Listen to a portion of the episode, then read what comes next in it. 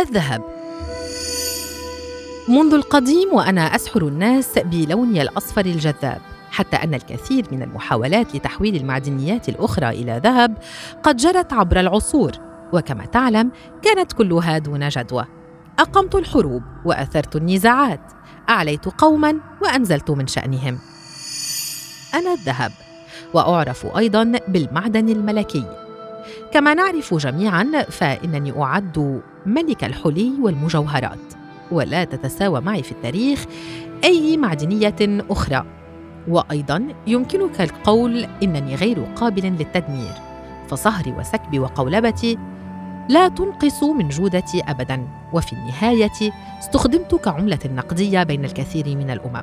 وأيضا أنا أتواجد في الكثير من الصيغ والأشكال. فأكون على شكل تبرة في الأنهر وعلى شكل بلورات في المناجم. وبعد هذا قد تطورت طرق تعديني. فبدأ الناس باستخلاصي من مناجم لا تحتوي إلا على بعض الجرامات مني لكل طن من الركاز. والمصدر الرئيسي لي هو مناجم الولايات المتحدة وروسيا وجنوب أفريقيا.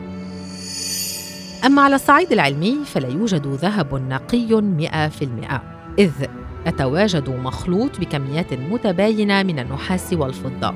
أما عن ميزاتي فأنا لا أتفاعل مع المواد الأخرى كما أنني غير قابل للصدأ لكن يمكن تحليلي فيما يسمى بالتيزاب وهي الكلمة الفارسية للماء الملكي وهو حمض النتريك والهيدروكلوريدريك.